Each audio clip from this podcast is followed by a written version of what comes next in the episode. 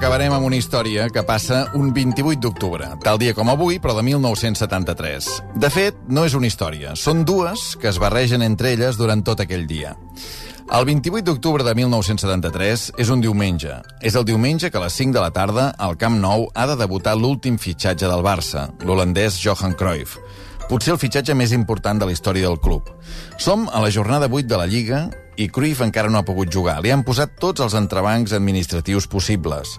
El Barça ha començat fatal. Només ha fet 6 punts en 7 jornades i ocupa els últims llocs de la classificació. I mentre a Barcelona tothom està pendent que a les 5 de la tarda debuti Cruyff, aquell matí s'ha convocat una reunió de l'Assemblea de Catalunya. L'Assemblea és una plataforma antifranquista formada per personalitats d'ideologies molt diferents que lluiten contra el règim. Som en plena dictadura i les seves reunions han de ser absolutament clandestines.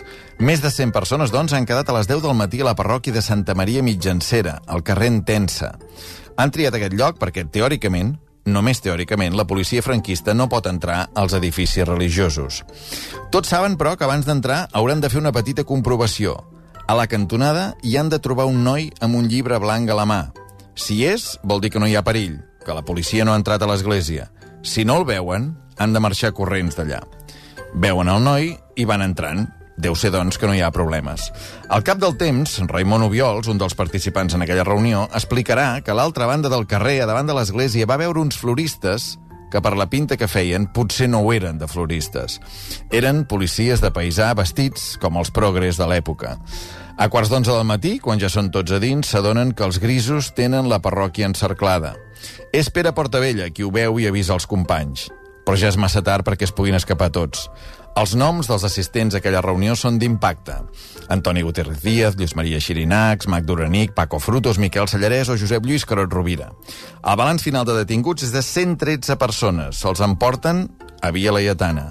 En aquell temps no hi ha Twitter ni telèfons mòbils. La primera notícia de les detencions no arriba fins a les 8 del vespre, quan companys dels detinguts comencen a escampar per Barcelona les octavilles que han confeccionat a correcuita i clandestinament.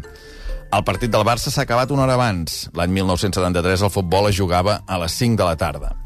Els 113 de l'Assemblea no poden anar al Camp Nou, estan sent interrogats a Via Laietana.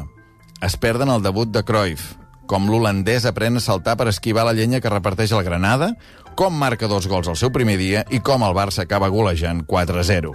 De la comissaria de Via Laietana, els homes aniran a la Model i les dones a Batràs. El jutge ha dictat presó per tots els 113 de l'Assemblea de Catalunya. El que no saben és quant temps s'hi estaran. Estem en el pitjor, quan ja porten gairebé dos mesos tancats i el 20 de desembre ETA mata Carrero Blanco, president del govern, en un atemptat a Madrid.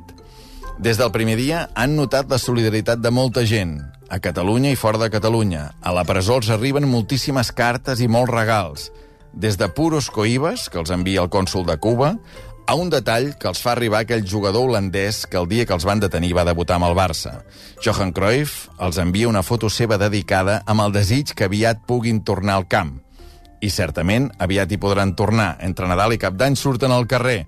A finals d'aquella temporada celebren que el Barça de Cruyff guanya la, seva, la seva primera lliga en 14 anys i l'any següent, el 20 de novembre, podran celebrar la mort de Franco. A dia d'avui, alguns, com l'editor Xavier Folk, encara conserven aquella postal que Cruyff, el jugador que debutava el dia que els van detenir, els va enviar a la presó model.